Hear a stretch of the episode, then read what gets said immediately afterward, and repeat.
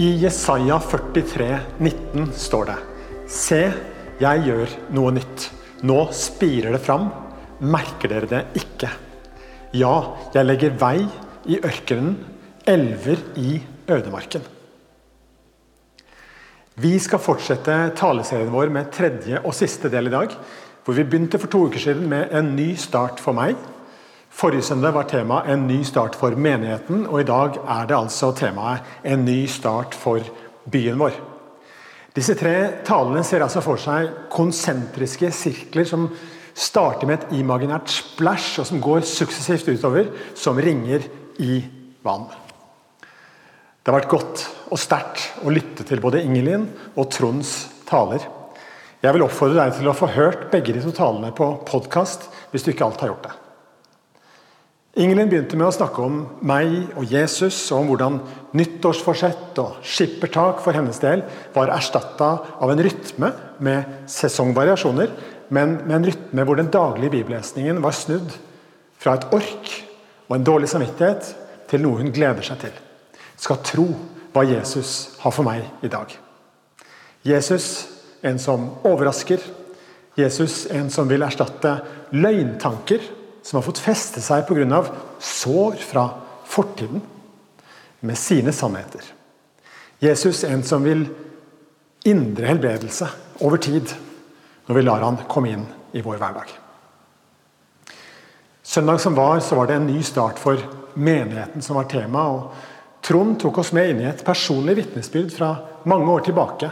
Og forkynte for oss om en Gud som vil at vi skal ta ærlige oppgjør med Han og slutte å flikke på en slags fasade.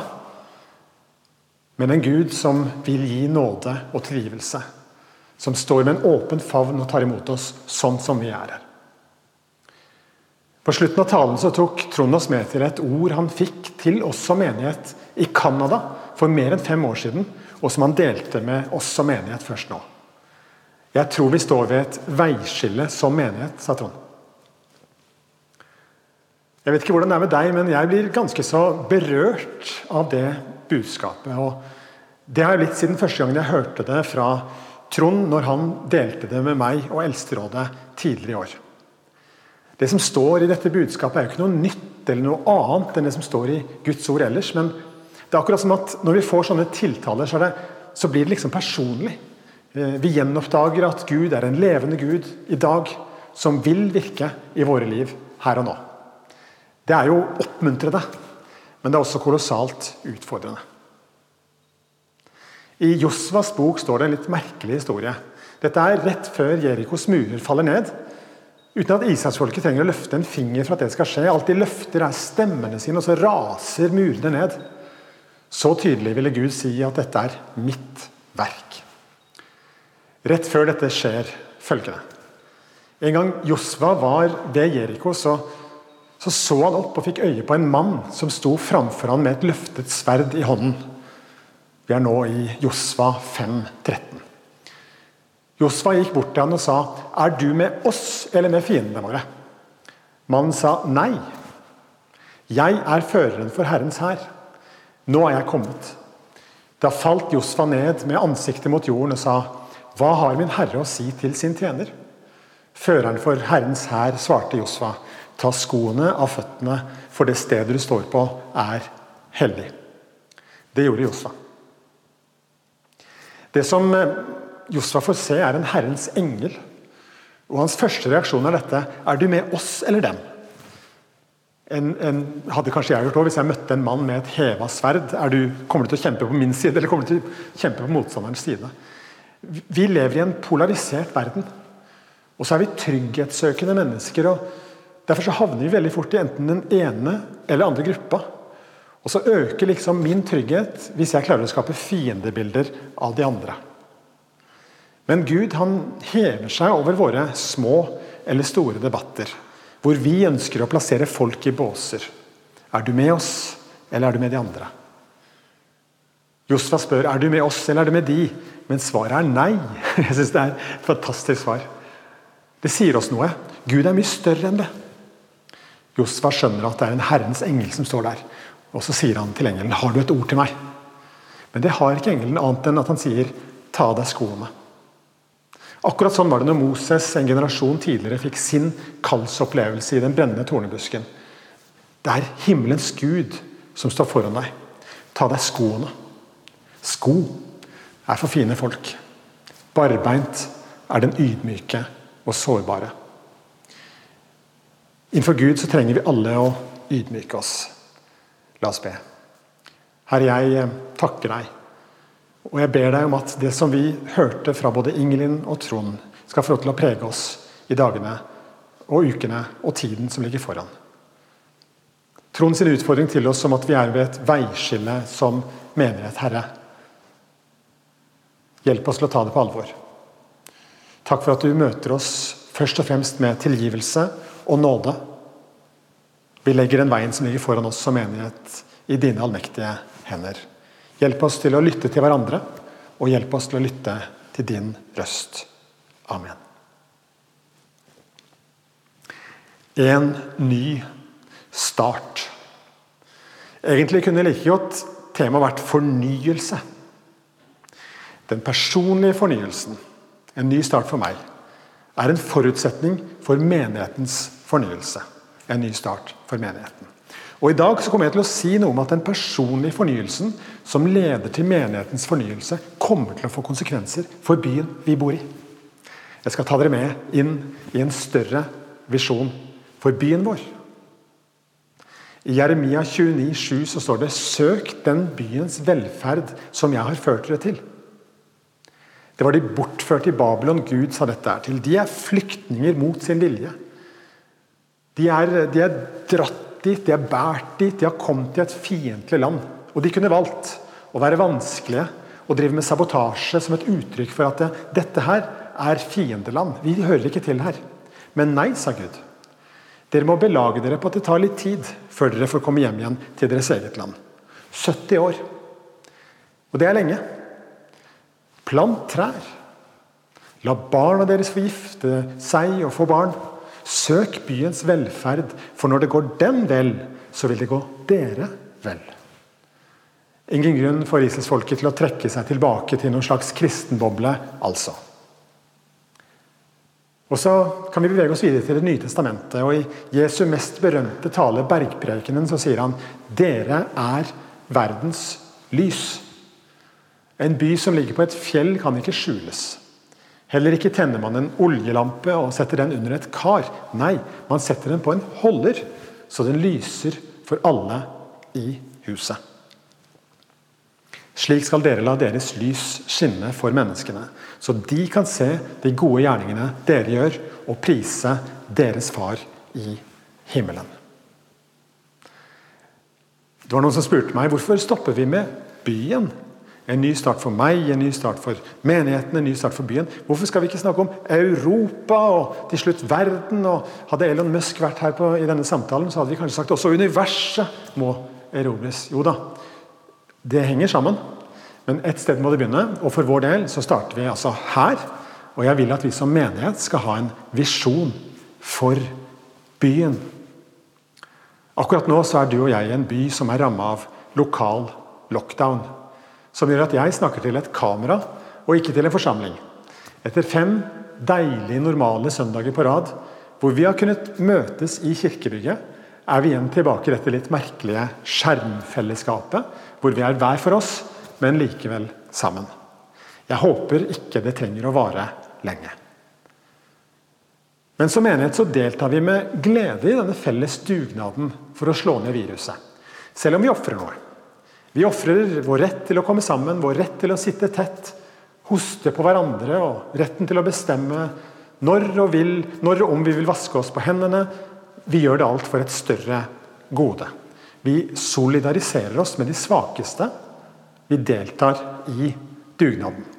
Og så er det sånn at mange små bidrag sammen gjør et stort løft. Og Det er egentlig en ganske god allegori for det som er mitt poeng i denne talen. Og så er det all grunn til å ha en god dose realisme knytta til kristne fellesskap, fordi de alltid består av syndige mennesker. Men likevel så har jeg lyst til å være visjonær nok denne formiddagen til å kunne si denne byen trenger sunne og fremoverlente kristne menigheter som er der Gud vil de skal være, og som gjør det Gud vil de skal gjøre. Sunne menigheter skaper en sunn by. I denne byen så trenger vi mange sunne menigheter med fornyede mennesker. Er dere med på en sånn visjon? Hvis vi går tilbake i historien og ser på store vekkelser som vekkelsen i Wales i 1905 og 1906, eller hvordan Whitfield og Wesley ble redskaper for Gud i England på 1800-tallet. I det som var et fattig og sosialt sett forderva samfunn. Der kom hele skarer til omvendelse og tro. Og så er det påtagelig å se hvordan hele samfunn blei forandra. Da var det altså sånn at folk kom i hopetall til en personlig, frelsende tro på Jesus. Og så forandra hele byen seg. Hele landet seg. Merkelig på en måte ble det ikke bare fokusert på etterlivet og på de evige ting og på religiøse øvelser. Jo da, det også. Men konsekvensene ble en samfunnsforvandling. Folk slutta å gamble og drikke seg ut av problemene sine, og med det bare skaffe seg nye. De kom seg opp av fattigdomsfella, de begynte å engasjere seg i politikk og samfunnsbygging. Skole ble starta, diakonale tiltak satt i verk osv. Så sånn kunne jeg fortsatt. og Jeg kunne snakka om Hans Nilsen Hauge sin tid her i vårt eget land og andre historier fra rundt omkring i verden. Om hvordan frelsen, den personlige frelsen Jesus gir mennesker, som har gitt opp seg sjøl og er full av selvforakt, de får selvrespekt i stedet, fordi de opplever at det er en Gud som sier til dem at de er uendelig mye verdt, og som ikke møter dem med fordømmelse for alt de har gjort galt, men møter dem med kjærlighet og gjenopprettelse. Når folk kommer ut av selvforakten over i et konstruktivt spor for sin egen del, så rettes ganske raskt blikket utover til de som er i nød. Og så begynner han å tenke på hvordan kan jeg være en del av et fellesskap som forandrer. Jesus er livsforvandlende. Mer enn noen annen kraft jeg kjenner til. Og selv en skarpskodd ateistisk debattant må innrømme at hvis det kom en gjeng med fem mannfolk imot ham i hurtig gange klokka ett om natta i en mørk bakgate, så ville det gjøre en forskjell bare å vite at denne gjengen her de har vært sammen for å be og lese Bibelen.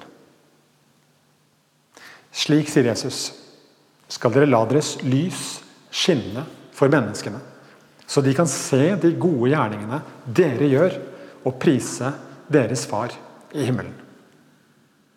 Og så er det et viktig poeng at i samme tale Jesus holder, bergprekenen, bare et kapittel senere i Matteusevangeliet, så ber Jesus religiøse mennesker om å jekke seg ned når de vil skryte av hvor religiøse de er. De som vil be lange bønner au, og utbasunere på gatehjørnene hvor fromme de er, blir kalt hyklere av Jesus. Ikke gjør gjerningene deres for å bli sett av folk, sier Jesus. Sånn hyklerne gjør. Og Det tror jeg egentlig alle og enhver kan sympatisere med. Og Likevel så sier altså Jesus her la deres lys skinne for menneskene, så de kan se de gode gjerningene dere gjør. Ja, Nå må du bestemme deg, Jesus. Skal vi eller skal vi ikke gjøre våre gode gjerninger foran øynene på folk? Det kan se ut som Jesus sier begge deler. Men den avgjørende forskjellen kommer i setningen 'å prise deres far i himmelen'. Altså dette at de ser de gode gjerningene vi gjør, og så priser de vår far i himmelen. Ikke meg eller deg, men de priser far. Og Det er stor forskjell på å gjøre ting for å forbedre mitt eget image, og gjøre ting fordi at jeg har et hjerte som er blitt forvandla av Gud. Da vil vi tenke det er han som skal ha æren og oppmerksomheten, ikke vi som skal skinne. Gud har en tendens til å bruke det som ingenting er, for å gjøre det til skamme som er noe. Trenger denne byen en ny start, da? Trenger Bergen Gud? Det er jo mange i denne byen og andre steder som sier jeg trenger ikke Gud, jeg har det bra nok som jeg har det. Og så ser de ikke at med en sånn setning så avslører de egentlig hvor tom sekularismen er. Og på den annen side så avsløres dessverre også hvordan vi som kristne feilaktig har framstilt kristen tro som en slags lykkepille. Som om dette livet handler om å ha det bra. Som om det handla om meg og min velvære. Folkens, vi må tenke større enn det. Du husker dugnaden? Vi er villige til å ofre noe for et større gode. Og Når Jesus ga sin programerklæring i starten av sin offentlige virksomhet i Lukas kapittel 4, så sa han at fattige skal få høre gode nyheter. Han sa at fanger skal få frihet, blinde skal få syn, undertrykte skal settes fri. Når Jesus begynte sin virksomhet, så sa han Guds, Guds rike er nær. Og det er så uendelig mye større enn din private lykke. Så sier forresten såkalt lykkeforskning at lykke kommer til de som ikke søker lykke, men som søker andres lykke, og som gjør ting som er meningsfullt for andre enn seg selv. Da kommer altså lykken til som en bieffekt, men ikke fordi du søker den desperat. Har verden det bra? Helt ferske rapporter viser at koronaepidemien ikke bare har tatt livet av snart en million mennesker verden over. Men isolasjonen, usikkerheten og det økonomiske uføret mange er påført, har også ført til økt vold i hjemmet. Antall rapporterte overgrep på nettet i ett land har tredobla seg det siste halvåret. Tredobla seg! I menigheten her så var det en bønnelapp i forrige uke som ba om at alle barn må få oppleve trygge hjem. Det er en betimelig bønn å be i vår tid, kanskje mer enn noen gang. Allerede sårbare og utsatte barn og unge blir enda mer ramma. Det blir rett og slett for tynt å si 'jeg trenger ikke Gud, jeg har det bra nok som jeg har det'. Spørsmålet vi alle må stille oss er hva er raskeste vei til å få folk ut av avhengigheter? Av egoistisk selvdyrkelse som ødelegger kloden vår, fellesskapene våre og livene våre og livene til de mest sårbare. For min del har jeg begrensa tro på statlige PR-kampanjer, men slår gjerne et slag for forvandla hjerter. Spørsmålet er altså ikke om du har det bra, men om alle andre har det bra, og om verden er slik den skal være. Europas dårlige samvittighet, Moria-leiren på øya Lesbos, fikk denne uka koronasmitte. Ble brent opp og ubrukelig. 13 000 mennesker er drevet ut på gatene. Men hvor skal de gå? Nabobyene er mest opptatt av å trygge sine porter, og i Norge krangler vi om hvor mange vi kan ta inn. Det gjør fysisk vondt. Og Nå skal ikke vi som kristne sitte på noen høy hest og si at vi har de beste løsningene på verdens problemer. Men dette kan vi si.